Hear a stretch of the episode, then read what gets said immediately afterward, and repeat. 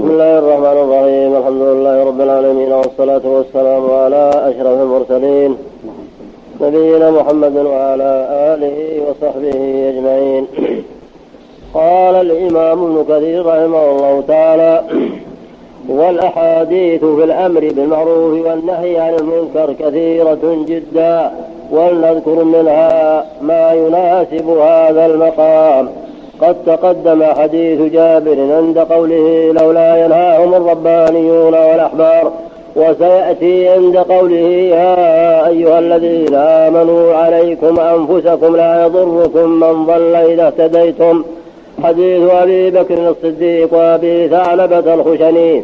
فقال الإمام أحمد حدثنا سليمان الهاشمي وأنبانا إسماعيل بن جعفر. في أول البحث تقدم حديث جرير.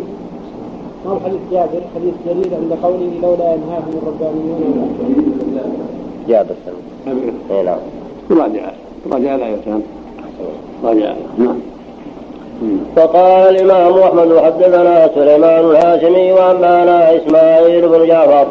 أخبرني عمرو بن أبي عمرو عن عبد الله بن عبد الرحمن الأشهلي عن حذيفة بن اليمان أن النبي صلى الله عليه وسلم قال والذي نفسي بيده لتأمرن بالمعروف ولتنهون عن المنكر أو لا يوشكن الله أن يبعث عليكم عقابا من عنده ثم لتدعونه فلا يستجيب لكم. فقال الإمام أحمد حدثنا سليمان الهاشمي أنبأنا إسماعيل بن جعفر أخبرني عمرو بن أبي عمرو عن عبد الله بن عبد الرحمن الأشهلي عن حذيفة بن اليمان بن اليمان أن النبي صلى الله عليه وسلم قال والذي نفسي بيده لتأمرن بالمعروف ولتنهون عن المنكر أو يوشكن الله أن يبعث عليكم عقابا من عنده ثم لتدعون له فلا يستجيب لكم. فلا يستجيب لكم. وروى الترمذي الترمذي عن علي بن جعفر عن إسماعيل بن جعفر به. عن علي. نعم. عن علي بن ابن جعفر. ابن حجر. نعم. ابن حجر. من؟ ابن حجر. حجر نعم حجر وروى الترمذي عن علي بن حجر عن إسماعيل بن جعفر به. وقال قال هذا حديث حسن. وقال أبو عبد الله محمد بن يزيد بن ماجه. عندك نعم. لا شريك عبد الله لا شريك كذا شيء؟ نعم. الحديث رواه الترمذي من طريقين. طريق آخر عن قتيبة عن الدراوردي عن عمرو بن أبي عمرو وفيه عبد الله بن عمرو بن عبد الرحمن الأشهلي. عن عمرو بن أبي عمرو عن؟ عن عبد الله بن عبد الرحمن الأشهلي. وهو حجازي مقبول لم يوثقه غير ابن حبان. روى له الترمذي ثلاثة أحاديث اثنان في أمور تقع قبل الساعة. وافقه ابن ماجه في أحدهما. والآخر في الأمر بالمعروف. في سؤالات عثمان الدارمي عن يحيى بن معين قال لا أعرفه ولم يوثقه غير ابن حبان. نعم. لا طريق ثاني تقول غير تدور عليه لكن غير اللي ذكره ابن كثير أيضا. نعم نعم. الحديث اللي تقدم من حديث جرير عن قوله نعم. نعم من حديث جرير تقدم. نعم. حال عليه قد تقدم من حديث عن قوله عز وجل لولا ينهاهم الربانيون ذكر من حديث جرير. إيش؟ قال الإمام أحمد حدثنا يزيد بن هارون قال أنبأنا شريف أبي إسحاق عن المنذر بن جرير عن أبيه قال قال رسول الله صلى الله عليه وسلم ما من قوم يكون بين اظهرهم من يعمل بالمعاصي من أعز منه وأمنع إن لم يغيروا إلا أصابهم الله منه بعذاب. في جماعة. ذكر أيضا بلفظ آخر. سمح جديد من حديث من بدل ذلك. نعم. وقال وقال أبو عبد الله محمد بن يزيد بن ماجة حدثنا أبو بكر بن أبي شيبة. وهذا إيش يوجب على على الإيمان؟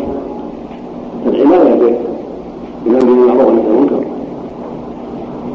ولم يكن في هذا الباب إلا قوله جل وعلا لعلته من بني إسرائيل.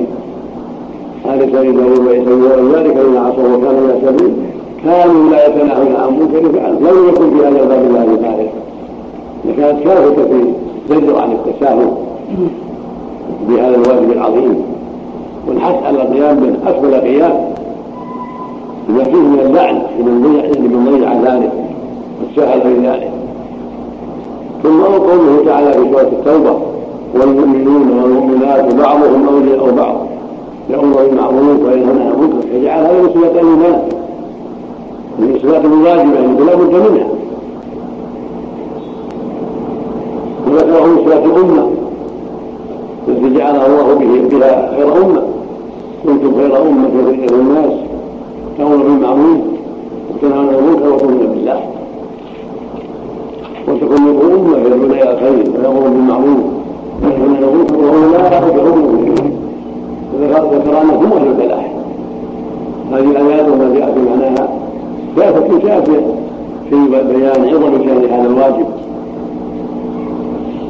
ثم جاءت الأحد تؤيد ذلك جاءت السنة تؤيد هذا الأمر العظيم كما في حديث بني هذا لا تأمر بالمعروف ولكن عن المنكر أو لا يشكل ما مثل على ذلك من عنده ثم تكون فلا نسأل الله السلامة وقال ابو عبد الله محمد بن يزيد بن ماجد حدثنا أبو بكر بن أبي شيبة حدثنا معاوية بن هشام عن هشام بن سعد عن عمرو بن عثمان عن عاصم بن عمر بن عثمان عن عروة عن عائشة قالت سمعت رسول الله صلى الله عليه وسلم يقول مروا بالمعروف وانهوا عن المنكر قبل أن تدعوا ولا يستجاب لكم تفرد به وعاصم هذا مجهول. هذا عندكم كذلك؟ وقال أبو عبد الله محمد بن يزيد بن ماجة حدثنا أبو بكر بن أبي شيبة حدثنا معاوية بن هشام عن هشام بن سعد عن عمرو بن عثمان عن عاصم بن عمر بن عثمان عن عروة عن عائشة قالت سمعت رسول الله صلى الله عليه وسلم يقول عن عائشة قالت سمعت رسول الله صلى الله عليه وسلم يقول مروا بالمعروف وانهوا عن المنكر قبل أن تدعوا فلا يستجاب لكم تورد به وعاصم هذا مجهول. وفي الصحيح من طريق الأمش عن إسماعيل بن رجاء عن أبيه عن أبي سعيد وعن قيس بن مسلم وعن قيس بن مسلم عن طارق بن شهاب عن أبي سعيد الخدري قال قال رسول الله صلى الله عليه وسلم من رأى منكم منكرا فليغيره بيده فإن لم يستطع فبلسانه فإن لم يستطع فبقلبه وذلك أضعف الإيمان. رواه مسلم. تعليق يقول بدل عن عمرو بن عثمان عن عمر بن عثمان الواو يقول هكذا سنة ابن ماجه والصواب ما شد عن عمرو بن عثمان إيش؟ عن عمرو بن عثمان إيش؟ عن عروة.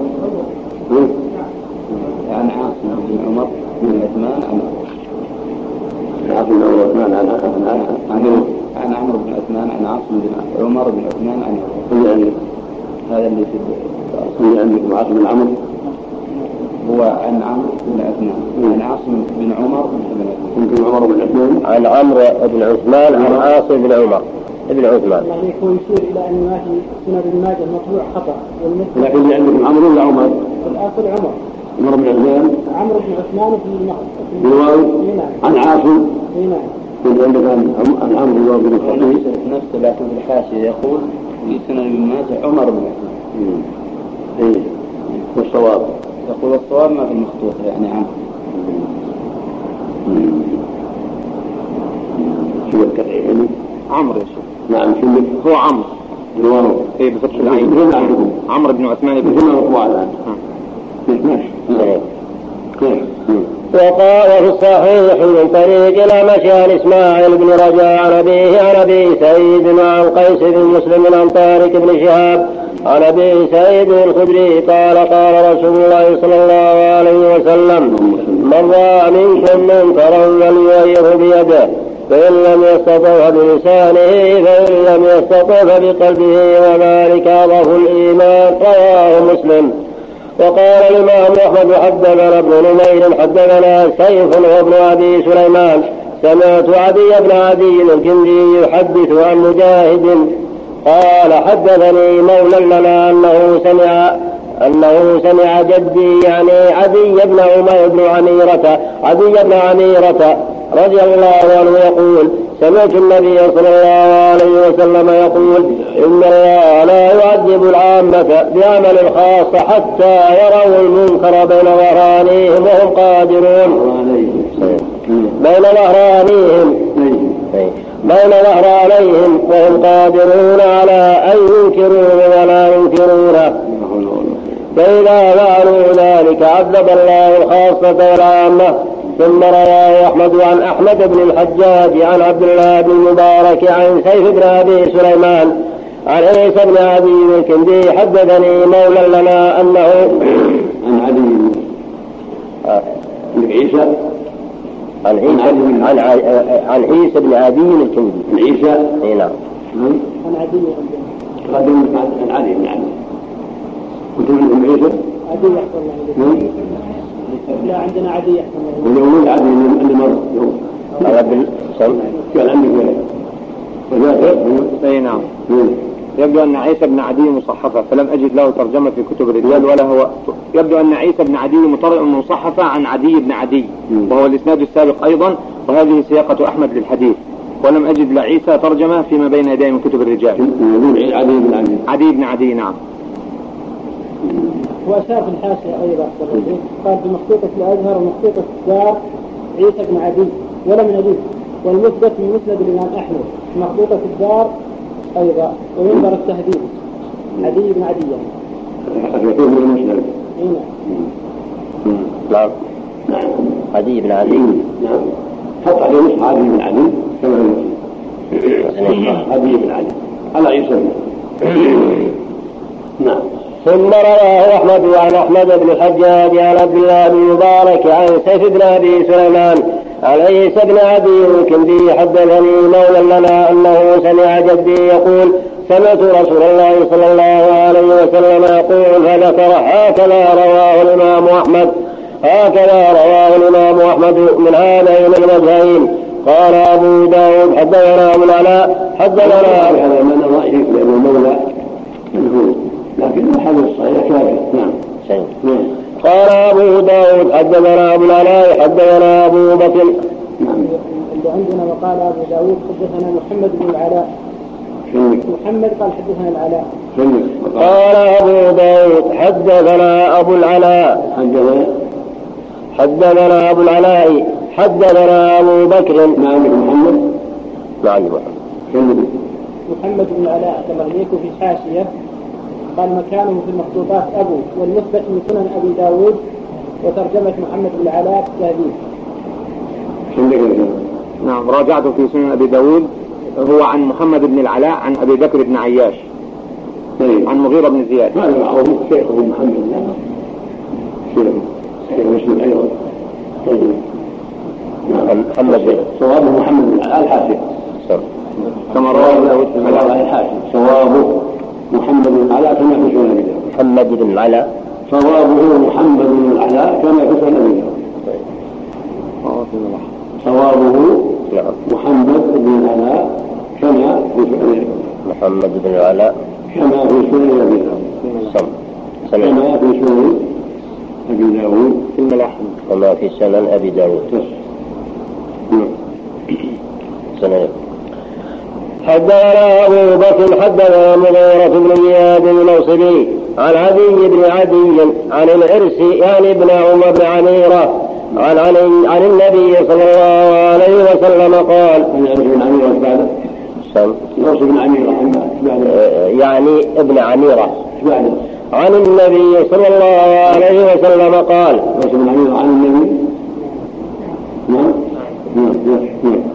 قال إذا عملت الخطيئة في الأرض كان من شهدها فكرهها وقال مرة فأنكرها كان كمن غاب عنها ومن غاب عنها فرضها كان كمن شهدها. تفرد به أبو داود ثم رواه عن أحمد بن يونس عن أبي شهاب عن أبي شهاب عن مغيرة بن زياد عن عدي بن عدي مرسلا وقال أبو داود حدثنا سليمان بن حرب. نعم نعم. العرس. بن عمير الكندي. أخو عدي بن عميرة. صحابي مقل قيل عميرة أمه واسم أبيه قيس بن سعيد بن الأرقم. قال أبو حاتم هما اثنان. أخرج له أبو داود والنسائي.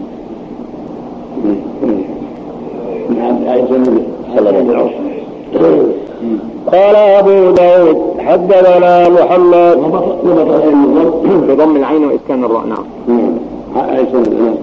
قال أبو داود حدثنا محمد بن علاء حدثنا أبو بكر حدثنا المغيرة بن زياد النصري عن أبي بن عدي عن العرس يعني ابن ابن عميرة عن النبي صلى الله عليه وسلم قال نعم. المغيرة بن زياد هو البجلي. أبو هشام أو هاشم الموصلي صدوق له أوهام. من السادسة متى سنة ثنتين وخمسين أخرج له الأربعة. علي بن علي حدث نعم؟ عدي بن عدي الكندي هو عدي بن عدي بن عميرة الكندي أبو فروة الجزري ثقة فقيه. عمل لعمر بن عبد العزيز على الموصل من الرابعة. مات سنة عشرين ومائة. أخرج له أبو داود النسائي وابن ماجه. ورمز له في الخلاصة البخاري تعليقا زيادة على ما في التقريب وهكذا أيضا هو في التهذيب. وقال أبو داود حدثنا سليمان بن حرب وحفص بن عمر قال حدثنا شعبة وهذا لفظه. عن عمرو بن مرة عن أبي البحتري عن أبي البحتري قال أخبرني من. وقال أبو داود حدثنا سليمان بن حرب وحفص بن عمر قال حدثنا شعبة وهذا لفظه عن عمرو بن مرة عن أبي البحتري. بحتري نعم. أنا بالبحتري البحتري. ببح بالحاء لا هذه بالحاء عندي أنا بالبحتري أبي. عندك أبي. عن أبي نعم. نعم. أنا بالحاء بالحاء نعم. عندك يا إسلام في النسخة أبو البختري أيضا بالخاء وهو هكذا أبو البختري سعيد بن فيروز أبو البختري بن هذا عمران البختري الطائي هذا البختري ما معه أما هذا أبي البختري؟ لا. سعيد بن فيروز نعم. أنا بالبختري البختري البختري البحتري أنا بالبختري قال أخبرني من سمع النبي صلى الله عليه وسلم وقال سليمان حدثني رجل من أصحاب النبي صلى الله عليه وسلم أن النبي صلى الله عليه وسلم قال لن يهلك الناس حتى يعذروا أو يعذروا من أنفسهم. يعذره حتى يعذروا. نعم يعني يعتبره بالعذر أن الله معذور في عباده له سيأتي اعلانه الفواحش والمنكرات. أو يعذروا من أنفسهم. جاءهم باسنا إلا أن قالوا إنا كنا ظالمين نسال الله حتى يعلنوا من أنفسهم. حتى يعتبروا بأن من عاقبهم معلوم. أو يعذروا من أنفسهم. حتى يعلنوا يعذروا أو يعذروا. حتى يعلنوا حتى يعذروا أو يعذروا من أنفسهم. كان عنهم. وقال ابن ماجه حدثنا عمران بن موسى حدثنا حماد بن زيد حدثنا علي بن زيد بن جدعان عن أبي نضرة عن أبي سعيد الخدري أن رسول الله صلى الله عليه وسلم قام خطيبا فكان فيما قال ألا, ألا لا يمنعن رجلا هيبة الناس أن يقول الحق إذا علمه قال فبكى أبو سعيد وقال قد والله رأينا أشياء فهبنا. وفي حديث إسرائيل عن عطية عن أبي سعيد قال قال رسول الله صلى الله عليه وسلم. وفي حديث إسرائيل عن محمد بن زحافة عن عطية. حدثنا عمران بن موسى كم؟ غنم قال أبو داود. وابن ماجه. وهو من الثاني. وقال وقال ابن ماجه حدثنا عمران بن موسى. حدثنا حماد بن زيد حدثنا علي بن زيد بن جدعان. بسم الله الرحمن الرحيم. الحمد لله رب العالمين والصلاة والسلام على أشرف المرسلين. نبينا محمد وعلى آله وصحبه أجمعين. قال الإمام ابن كثير رحمه الله تعالى وقال ابن ماجه حدثنا عمران بن موسى حدثنا حماد بن زيد حدثنا علي بن زيد بن جدعان عن أبي سم وقال أبو داود صدق وقال أبو داود حدثنا سليمان بن حفص بن عمر قال حدثنا شعبة وهذا لفظه. عن عمرو بن مرة عن ابي البختري قال محتري. نعم. عن ابي البختري قال أخبرني من سمع النبي صلى الله عليه وسلم وقال سليمان حدثني رجل من أصحاب النبي صلى الله عليه وسلم أن النبي صلى الله عليه وسلم قال لم يهلك الناس حتى يهدوا قال نعم. قال انه سمعه قال وقال سليمان حدثني رجل من أصحاب النبي صلى الله عليه وسلم أن النبي صلى الله عليه وسلم قال لن يهلك الناس حتى يعذروا أو يعذروا من أنفسهم. نعم. يعذروا أو يعذروا. من أنفسهم. وقال ابن ماجه حدثنا عمران بن موسى حدثنا حماد بن زيد حدثنا علي بن زيد بن جدعان عن أبي نظرة عن أبي سعيد الخدري أن رسول الله صلى الله عليه وسلم قام خطيبا فكان فيما قال. ألا لا يمنع. قدم معنى الحديث معناه أنهم يعترفون بأنهم ظالمون وأنهم مستحقون لما أصابهم من العقوبة. ويهلك قوم حتى يعذروا من المسلمين حتى يعترفوا بأنهم ظالمون ومستحقون لما نزل بهم كما قال عز وجل وكان جاء مسنا إلا ان قالوا انا كنا ظالمين. نعم.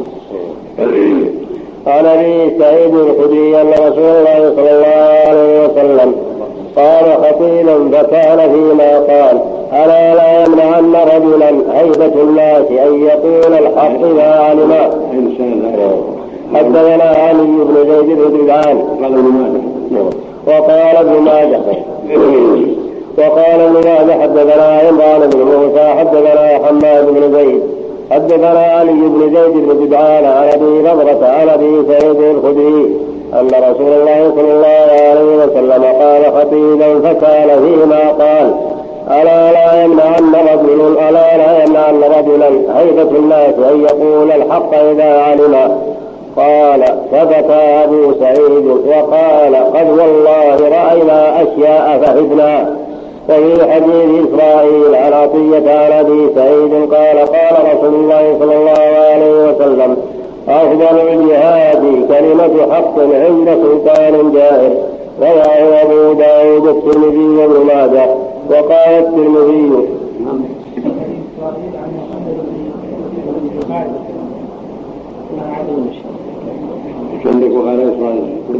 وفي حديث إسرائيل عن عطية عن أبي سعيد. عندك هذا محمد بن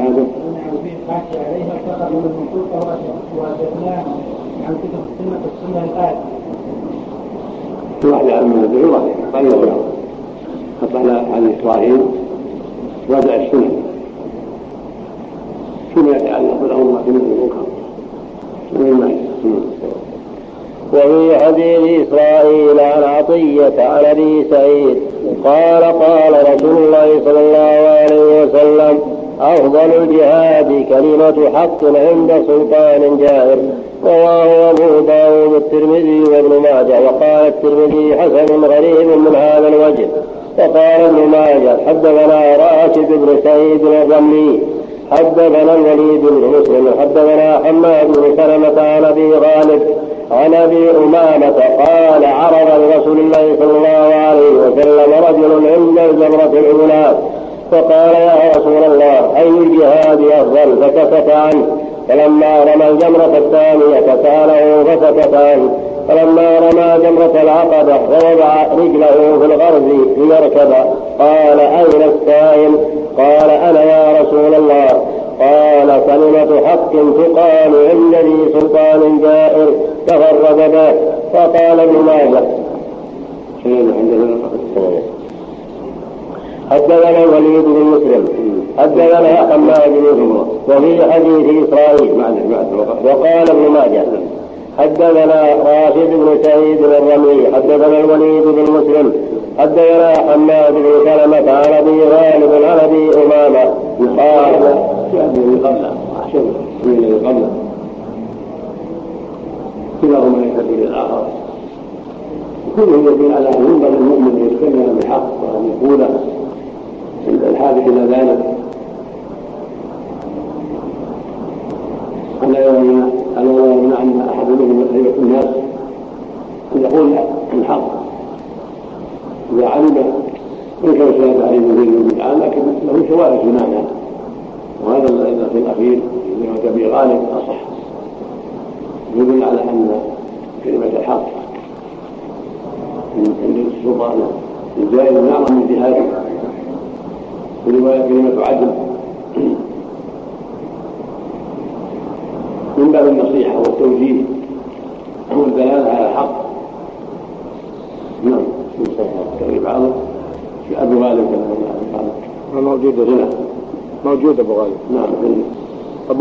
صاحب أبي أمامة. بصري نزل أصبهان قيل اسمه حزور وقيل سعيد بن الحزور وقيل نافع. صدوق يخطئ من الخامسة. على راشد بن سعيد. راشد بن سعيد بن راشد القرشي. أبو بكر الرملي صدوق من العاشرة. مات سنة 43 هذا أحسن من الذي قبله لكن كلاهما يشهد للآخر نعم. نعم. نعم. خصوص كلمة الجهاد وكلمة الحق عن السلطان. أنها أفضل الجهاد. دليل من الجهاد؟ لأن الجهاد يكون بقول يكون باللسان بالعمل يكون بالمال هذا أفضل الجهاد؟ من جهة القول كل أحد يستطيع أن يقول ذلك يخشى على نفسه أو يخشى أن يحصل أو يتكلم عليه. فكان في أصل الجهاد. لأنه ليس كل واحد يقولها نعم. آخر وليس مسلم صلح بالسر أما بالسلام أما كلها خلافا نعم ثقة وإنما لم يكن عن البخاري ومن أسس الناس فيه ثابت نعم نعم وقال ماجه حدثنا أبو كريب حدثنا عبد الله بن نمير وأبو معاوية عن الأعمش عن عمرو بن مرة عن أبي البختري عن أبي نعم البختري البحث عن أبي البختري عن أبي البختري عن أبي سعيد قال قال رسول الله صلى الله عليه وسلم لا يحقر لا يحقر أحدكم نفسه. لا يحقر أحدكم نفسه. قالوا يا رسول الله كيف يحقر أحدنا نفسه؟ قال يرى أمر الله فيه مقال ثم لا يقول فيه. يرى امرا لله أمر الله. عنده امرا لله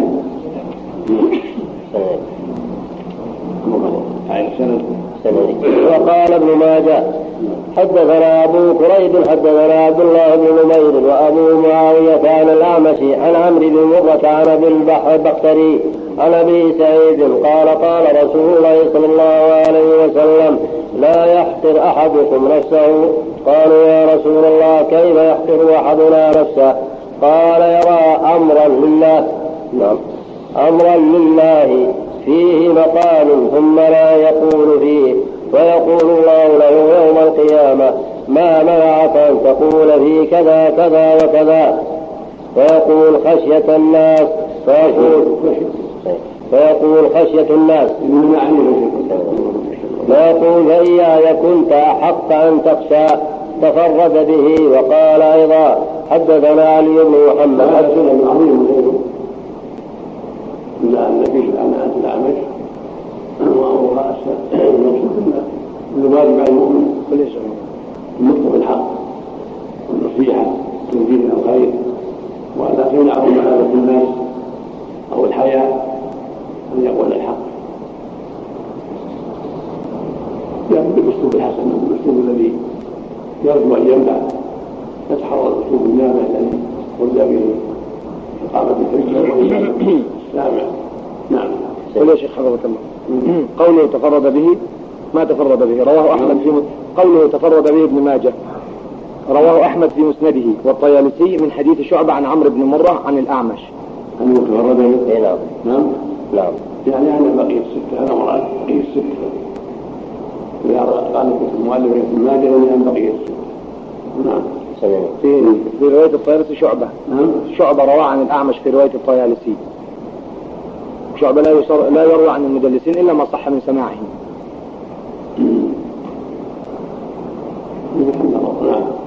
نعم وقال أيضا حدثنا علي بن محمد حدثنا محمد بن فضيل حدثنا يحيى بن سعيد حدثنا عبد الله بن عبد الرحمن أبو طوالة حدثنا نهار العبدي أنه سمع أبا سعيد الخدري يقول سمعت رسول الله صلى الله عليه وسلم يقول إن الله يسأل العبد يوم القيامة حتى يقول ما منعك؟ إذ رأيت المنكر إذ رأيت المنكر أن تنكره فإذا لقن الله عبدا حجته قال يا رب رجو رجوتك وفرقت الناس. وفرقت وفرقت الناس. تفرد به أيضا ابن ماجه وإسناده لا بأس به. وقال وقال حدثنا علي بن محمد حدثنا محمد بن فضيل حدثنا يحيى بن سعيد حدثنا عبد الله بن عبد الرحمن أبو طواله حدثنا نهار العبد أنه سمع أبا سعيد الخدري يقول سمعت رسول الله صلى الله عليه وسلم يقول إن الناس يسأل إن الله يسأل العبد يوم القيامة حتى يقول ما منعك إذ رأيت المنكر أن تنكره فإذا لقن الله عبدا حجته قال يا رب رجوتك وفرقت الناس. وفرقت الناس. تفرد به أيضا ابن ماجه وإسناده لا بأس به. نهار العبد. نهار. تشديد الهاء نهار بن عبد الله العبد المدني. صدوق من الرابعة. تفرد ابن ماجه برواية عنه. شدد التقديم ولا؟ اي نعم. نعم. وهناك آخر نهار العبد شامي من الثالثة. وقيل له صحبة تمييز. ليس هو الذي يروي. أبو طوال أبو طوالة عبد الله بن عبد الرحمن بن معمر بن حزم الأنصاري. أبو طوالة المدني قاضي المدينة لعمر بن عبد العزيز. ثقة من الخامسة. مات سنة 34 ماشي. نعم. قال هذا نهار نعم. سم نعم. نعم معنى منع الكلام رجاء عفو خوف من فريق هاها يعني تسكن على الناس أو مفهوم الناس أو تعديهم عليه وما نمت إلى رجائي وحسن ظني بأنك تعفو عنه نعم. يختلف لا إذا كان من شخص يبطش يعتبر انه يظهره يدعو له لكن إذا كان من فوق صابت الناس. ما نسي في مجرد خبر وضع أو سوء ظن. من من خاف ان يغضب ممن يظن به ذلك أو يقتل أو يسلم فقد كما قال النبي صلى الله عليه وسلم الله منكم منكر غير فإذا يستطيع باللسان فإن يستطيع بقلبه وذلك أضعف الإيمان لكن بعض الناس عنده ضعف عند أقل سن يجب نعم وقال الإمام أحمد حدثنا عمرو بن عاصم عن حماد بن سلمة عن علي بن زيد عن الحسن عن جندب عن حذيفة عن النبي صلى الله عليه وسلم قال لا ينبغي لمسلم أن يذل نفسه قيل وكان يذل نفسه قال يتعرض من البلاء لما لا يطيق. فقال الإمام أحمد حدثنا عمرو بن عاصم عن حماد بن سلمة عن علي بن زيد عن الحسن عن جندب عن حذيفة عن النبي صلى الله عليه وسلم قال لا ينبغي لمسلم أن يذل نفسه قيل وكيف يذل نفسه؟ قال يتعرض من البلاء ما لا وهذا وإن كان في هذا الحديث زين بن عمرو ضعيف